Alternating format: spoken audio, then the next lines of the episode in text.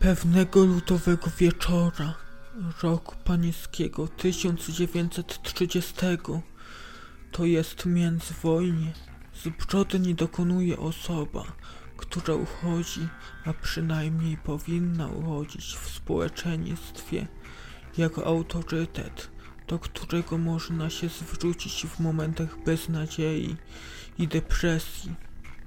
Mowa o nauczycielu, nauczycielu przedmiotu, którego dzieciaki widziały nader często, szanowały go, uważały za swojego rodzaju przyjaciela, osobę, do której można się zwrócić w trudnych sytuacjach, zawsze wysłucha i pomoże. Pan Dobromir Żytni, nauczyciel, pedagog, wychowawca jednej z lwowskich placówek, uchodził za człowieka przyzwoitego, sumiennego i pracowitego. Dziwi to też rzecz, zbrodnia której dokonał tego niesławnego wieczora o godzinie w pół do siódmej. Zanim jednak przejdziemy do samej sprawy, musimy pochylić się nad sytuacją pana Dobromirza, który to, mimo że stwarzał inne pozory, cierpiał. Cierpiał psychicznie, wewnętrznie. Gdy był bowiem dzieckiem, został dotkliwie pobity przez rówieśników. Był wyzywany, prześladowany, wyszydzany. Możemy się tylko domyślać, jaka była to dla niego katorga. Krzyż, który musiał nieść przez całe życie. Ten uczas w psychice sprawił, że ofiara zaczęła być prześladowcą i dręczycielem tych, którzy nie mogą się obronić. Byli atoli odważniejsi, ale oni zapłacili najwyższą cenę za swoje, jak to żytnie określał, występki. Pan profesor Dobromir ukończył studia polonistyczne na Uniwersytecie Lwowskim w 1928 roku, czyli w momencie dokonania zbrodni był nauczycielem młodym, lecz od samych początków szanowanym. Pewnego dnia miał on bardzo ciężki dzień. Mianowicie dzień wcześniej został powiadomiony o tym, że stan jego brata jest kiepski, nader kiepski.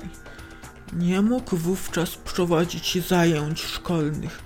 Dzieciaki go denerwowały, irytowały, był niemiły, wulgarny, stosował wobec nich przemoc słowną i fizyczną.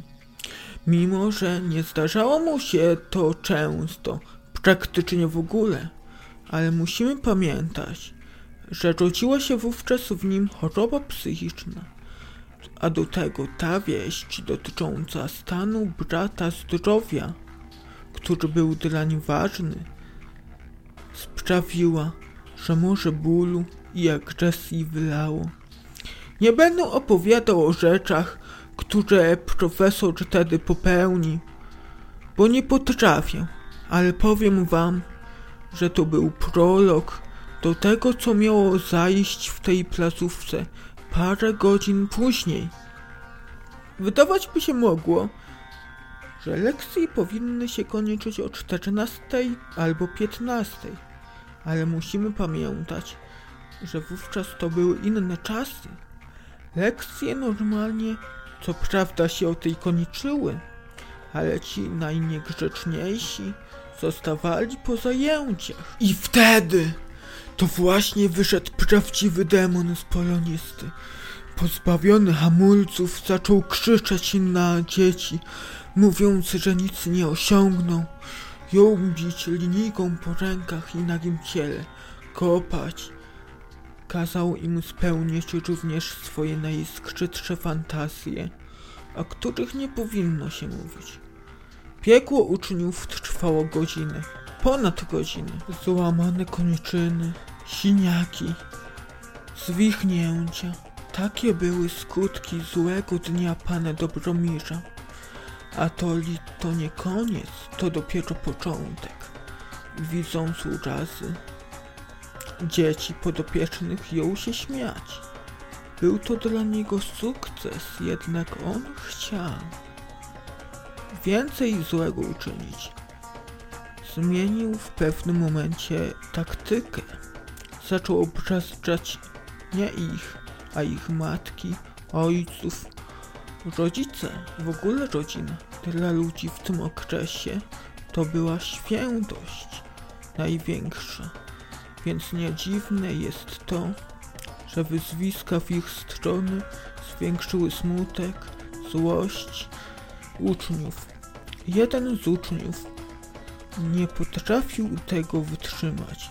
Wstał i podniósł rękę na nauczyciela, na co on wbił mu scyzoryk, który zawsze nosił w serce. Po tym wszystkim zdeptał twarz Denat. Nie wiem, jakby potoczyły się jego losy, gdyby nie reakcja dyrektora, który miał to w zwyczaju monitorować szkołę po zakończonych, regularnych zajęciach. Wszedł do pokoju i zobaczywszy ten smutny widok, zapłakał. Zadzwonił od razu po policję, która to zakuła Żytniego i przewiozła do więzienia, w którym czekał na proces.